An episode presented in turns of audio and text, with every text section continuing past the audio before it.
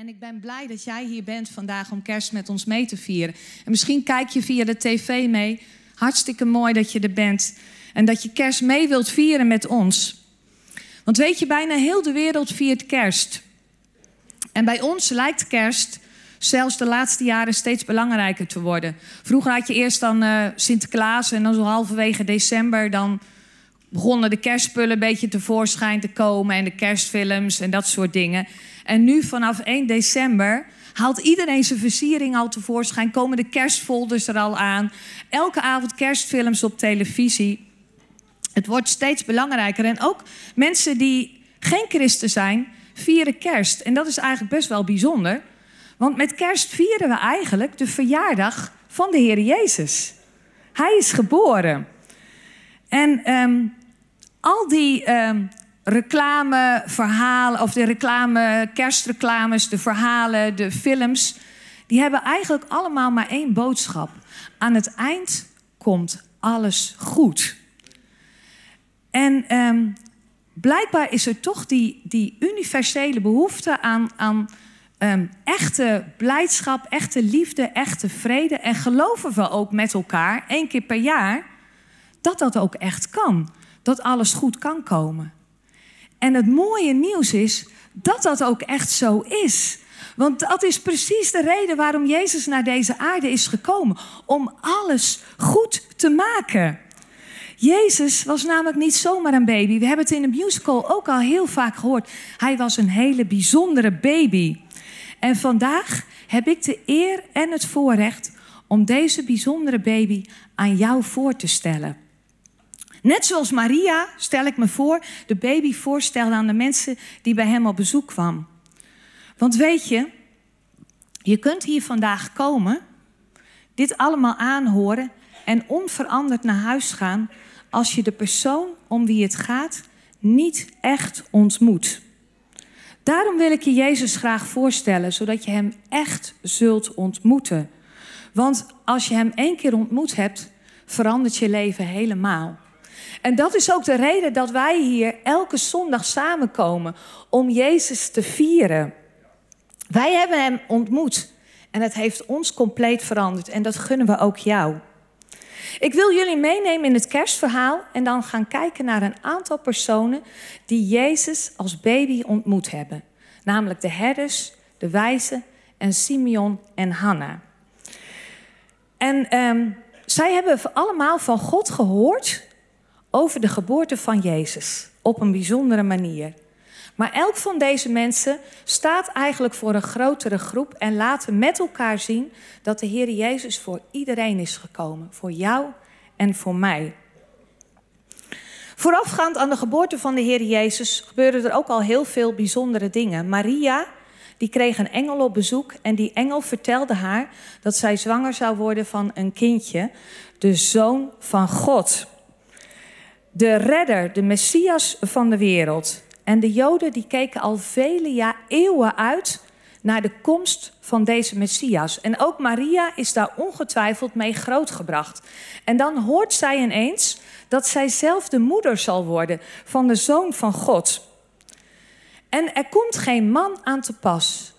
De Bijbel zegt dat de Heilige Geest over haar komt en haar bedekt als een schaduw. En dan is ze zwanger. En Jozef, haar aanstaande man, die krijgt ook bezoek van een engel. Die haar vertelt dat Maria niet gek is of loog, maar dat het echt waar was. Dat ze hem niet ontrouw was geweest, maar dat hij gewoon met haar kon trouwen. Want het was echt het kind van God. En de musical zoomt dan eigenlijk in op het moment van de geboorte van Jezus. Jozef en Maria zijn op dat moment in Bethlehem. Omdat de keizer opdracht had gegeven om een grote volkstelling te houden. En iedereen moest gaan naar de geboortestad waar, um, waar hij vandaan kwam. En daarom zijn Jozef en Maria op dat moment in Bethlehem. Helaas hield deze keizer geen rekening met vrouwen die op het punt stonden te bevallen. En het lijkt dan ook allemaal alsof het helemaal niet goed uitkomt. Maar doordat Jozef en Maria in Bethlehem waren, gaat er een profetie in vervulling van de profeet Micha, die 700 jaar eerder geprofeteerd heeft dat in Bethlehem een heerser geboren zou worden die er altijd al was. En elke Jood wist dat dit ging over de Messias. Het kind wordt uiteindelijk geboren in een plek die bestemd is voor vee, want in de herberg was geen plek door de drukte.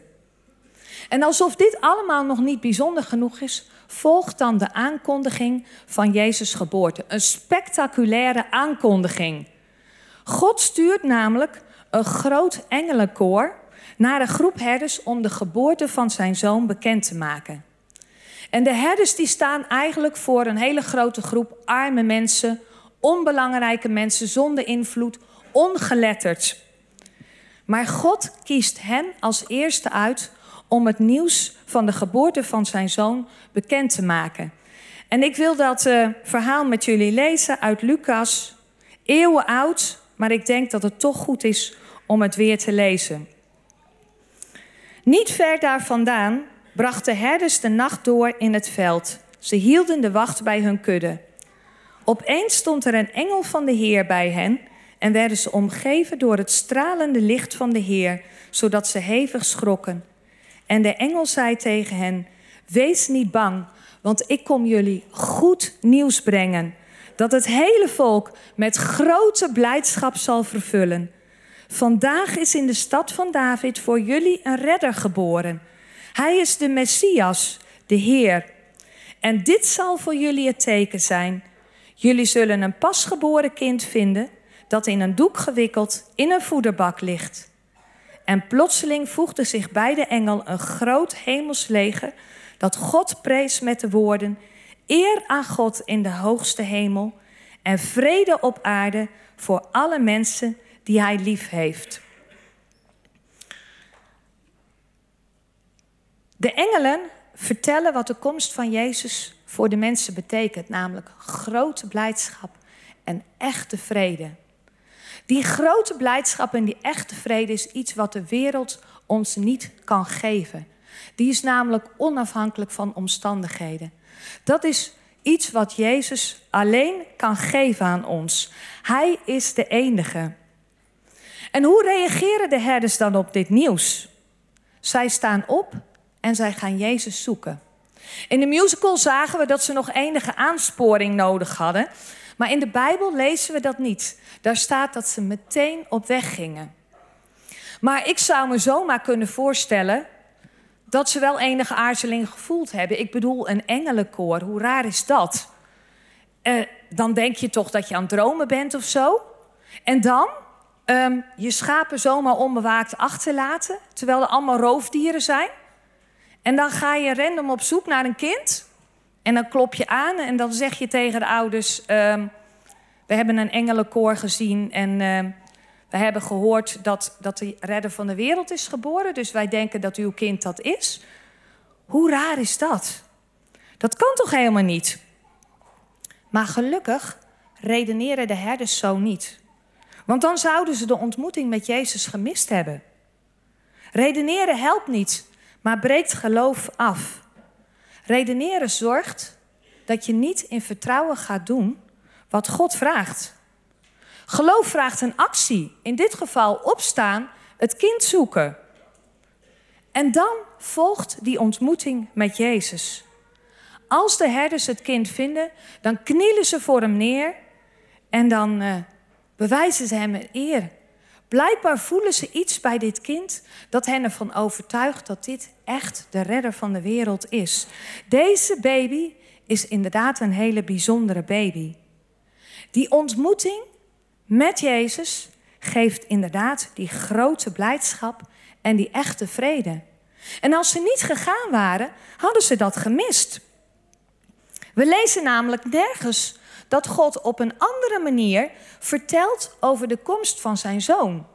Want ja, dat hadden de herders ook nog kunnen denken. Ik bedoel, als de zoon van God geboren wordt, dan horen we dat vast wel op een andere manier, toch? Dat zal toch niet alleen maar dit zijn? Maar nee, dat lezen we nergens. Dit is de enige aankondiging. En de herders die gaan op zoek en zij ontmoeten Jezus. En er staat dat zij loven en prijzen God als ze weggaan. Die grote blijdschap is in hun hart gekomen door die ontmoeting met Jezus. De tweede groep die hoort van de geboorte van Jezus zijn de wijzen.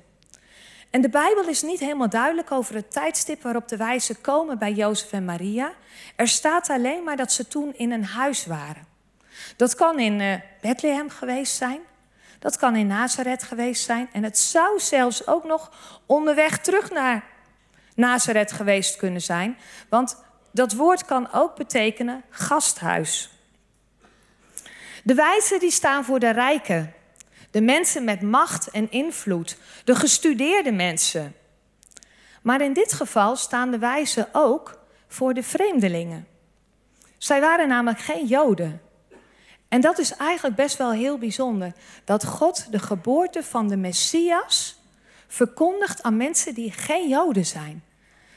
Iedereen mag het horen en de redder is voor iedereen gekomen, ook voor de niet-Joden. De wijzen bestuderen de sterren en ze doen dat waarschijnlijk al heel veel jaren. En God spreekt tegen hen in de taal die zij verstaan, namelijk door een ster.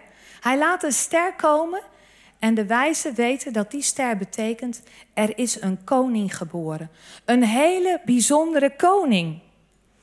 En ook zij staan op en gaan die koning zoeken om hem eer te bewijzen. Ook zij hadden heel makkelijk kunnen denken: ja, hallo, dat gaan we toch niet doen? Zo'n lange reis. Dat kost heel veel tijd en moeite, want in die tijd was reizen niet zo comfortabel als nu. Het was zelfs gevaarlijk. Het kostte heel veel geld, het kostte heel veel tijd. En dan, waar moeten we dat kind vinden? De ster achterna. Ja, wie zegt dat die ster niet uh, weer verdwijnt? En dan? Of het is heel slecht weer en we zien die ster niet? Hoe moeten we dat doen? Nee joh, dat is al die moeite niet waard. Maar gelukkig, de wijzen redeneren niet. Want nogmaals, redeneren breekt geloof af. Geloof vraagt een actie en de wijzen gaan op pad. Zij gaan die hele lange reis ondernemen en komen uiteindelijk bij het kind. En ook zij proeven iets bij dit hele bijzondere kind. Zij buigen neer, zij aanbidden Jezus. En grote blijdschap en vrede stroomt hun hart binnen. Als Jozef en Maria na 40 dagen in de tempel in Jeruzalem komen om het kind aan God toe te wijden en het daarbij behorende offer te brengen, zoals Joden gewoon waren, dan komen Simeon en Hanna in beeld. Zij zijn vrome, oudere Joden. En in tegenstelling tot de groep herders waren zij twee mensen voor wie de Joden heel veel respect hadden.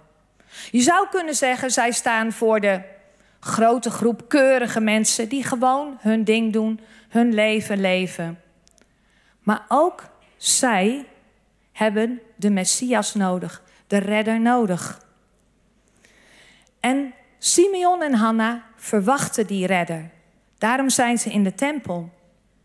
En op het moment dat zij Jezus zien, krijgen zij een openbaring van God. Dit is dat beloofde kind. Dit is die Messias. Dit is de Zoon van God, de redder van de wereld. En ook zij ondernemen actie. Ze hadden ook kunnen redeneren. Waarom zou dit kind nou bijzonder zijn? Ik bedoel, er kwamen elke dag heel veel vaders en moeders met hun eerstgeboren zoon naar de tempel. Want dat was gebruikelijk bij de Joden. Waarom zou dit nou net een bijzonder kind zijn? En stel je voor dat ik ga zeggen dat dit een Messias is. Dan ben ik straks al mijn gezag kwijt. Dan denken de mensen, die, uh, die zijn een beetje gek geworden. Maar nee, Simeon en Hanna, zij redeneren niet. Zij laten een actie volgen op hun geloof. Simeon, die neemt het kind in zijn armen en die profeteert over Jezus. Dat hij de Messias is. En van hem staat dat hij diepe vrede in zijn hart ontvangt. Zozeer zelfs dat hij zegt: Nu kan ik sterven. Ik heb vrede gevonden, want ik heb de redder van de wereld ontmoet. En Hanna, als zij Jezus ziet, zij looft en prijst God. En er staat tegen iedereen die het maar wil horen, vertelt zij over dit bijzondere kind. In haar zien we die grote blijdschap. Dus ook zij beiden laten actie volgen op hun geloof. Dan kijken we naar de toenmalige koning Herodes. Hij hoort ook van de geboorte van het kind. Niet van God zelf, maar hij hoort het via de wijze. En ook hij gelooft dat het een heel bijzonder kind is. Hij gaat ook niet redeneren. Hij gelooft. En hij laat zijn geloof ook volgen door een actie. Helaas is dit niet een actie die God bedoeld heeft. Hij is namelijk bang voor deze nieuwe koning, dat hij hem van zijn troon wil stoten. En wat doet hij? Hij laat alle kinderen van twee jaar en jonger ombrengen in de buurt van Bethlehem. Moet je je voorstellen, wat heeft dat teweeggebracht? Wat een verdriet, wat een ellende, maar ook wat een boosheid. Wat een verzet zal daar gekomen zijn in die bevolking. Maar blijkbaar heeft hij er zelfs een opstand voor over om te zorgen dat dit kind verdwijnt. Hoe bijzonder moet dit kind dan wel niet zijn? Herodes beseft dat. Maar hij gaat het kind niet aanbidden. Zoals de wijzen, de herders, Simeon en Hanna. Integendeel, hij probeert het kind om te brengen. En Herodes ontvangt dan ook niet die diepe blijdschap en die echte vrede. Integendeel. Uiteraard lukt zijn plan niet. Want God zorgt ervoor dat Jezus met Jozef en Maria vlucht naar Egypte. Daar heeft Richard gisteravond uitgebreid over gesproken. Vandaag ben jij hier gekomen om het kerstfeest met ons mee te vieren. Misschien ben je uitgenodigd omdat je iemand kent die meespeelde in een musical. Misschien ben je hier zomaar binnengewandeld omdat je denkt, ja het is kerst. Dan moet ik toch eigenlijk wel naar de kerk. Maar hoe je hier ook terecht bent gekomen, je bent hier niet voor niets. Je bent hier niet toevallig. Ik heb je aan Jezus mogen voorstellen. Deze hele bijzondere baby. Deze zoon van God. Deze redder van de wereld. Maar weet je, ik wil je niet alleen voorstellen aan Jezus de baby. Maar ik wil je vooral voorstellen aan Jezus de man. De man die voor ons stierf. Want weet je, het meest bijzondere aan Jezus was nog niet eens de manier waarop hij in deze wereld kwam. Maar het meest bijzondere was hoe hij gestorven is. Hij kwam namelijk naar deze aarde met een doel. Om jou en mij te redden. Om voor onze verkeerde dingen te sterven. Toen de engel bij Jozef kwam, zei hij tegen Jozef: Jezus komt om de mensheid van de zonde te bevrijden. En dat is wat hij is komen doen. De straf voor jou en mij dragen. God heeft namelijk ons als mens ooit gemaakt om in een intieme relatie met Hem te leven. Maar dat werd allemaal kapot gemaakt toen de mensen op een gegeven moment de verkeerde keus ging maken. En vanaf dat moment ging het steeds erger worden. De mensen gingen steeds meer verkeerde dingen doen. En de Heilige God kon geen intieme relatie met ons mensen meer hebben. Maar zijn verlangen, zijn liefde voor ons, voor jou en voor mij bleef hetzelfde. En daarom stuurde hij uiteindelijk zijn zoon Jezus naar deze aarde. Als zoon van God, maar ook als mens. Hij heeft als mens op deze aarde geleefd. Met het grote verschil dat hij nooit iets fout heeft gedaan. Hij verdiende dus ook geen straf. Hij hoefde niet te sterven. Maar hij deed het wel. vrijwillig, voor jou en voor mij, om onze zonde weg te doen. Jezus stierf een afschuwelijke dood aan het kruis voor jou en voor mij, waardoor wij vrij uit kunnen gaan en waardoor de relatie tussen God en ons hersteld kan worden.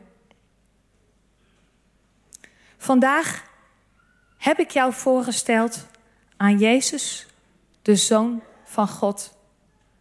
De hele bijzondere baby en de man die voor jou stierf. Maar hij bleef niet dood. Nee, hij stond op op de derde dag. En hij leeft. Hij leeft nu. Hij heeft de dood overwonnen. Hij is in de hemel. En mijn vraag aan jou is nu: wil jij deze Jezus echt ontmoeten? Net zoals de herders, de wijzen, Simeon en Hanna. Want Jezus is hier vandaag en hij wacht op jou. Hij wil jou heel graag ontmoeten. Daarom is hij naar deze aarde gekomen. Maar wil jij hem ontmoeten? Wil jij hem erkennen als de zoon van God? Wil jij hem aanbidden? Wil jij het cadeau wat hij jou aanbiedt? Namelijk vergeving van zonde, vrij van schuld en schaamte en een herstel van de relatie met Vader God, die die grote blijdschap en die echte vrede brengt waarover ik gesproken heb. Wil je dat cadeau ontvangen? Eeuwig leven hoort daar ook bij. Een leven wat niet stopt als jouw leven op deze aarde klaar is, maar wat verder gaat bij Hem in de hemel. Dat cadeau is beschikbaar, ook voor jou. Laten we met elkaar bidden. Dank u wel, Heer Jezus, dat u naar deze aarde bent gekomen als kind. Dat u vrijwillig vanuit de hemel die heerlijke plaats bij Vader God hebt verlaten om op deze aarde te komen als kind, kwetsbaar en klein, maar met dat ene doel voor ogen: dat u wilde sterven voor ons. Dat u vrijwillig alles op u nam wat wij verkeerd gedaan hebben, zodat wij vrij uit konden gaan en zodat wij opnieuw in relatie konden komen met God de Vader. Dank u wel daarvoor. En Heer, ik bid dat u ons op dit moment heel bijzonder die liefde van u laat ervaren. Werk het uit in onze harten, Heer. En werk heel bijzonder in de harten van de mensen die u nog niet kennen. Die nog nooit die persoonlijke ontmoeting met u gehad hebben. Heer, ik bid op dit moment dat u hun harten aanraakt dat liefde gaat binnenstromen. Dat u hen overtuigt, Heer, van de waarheid.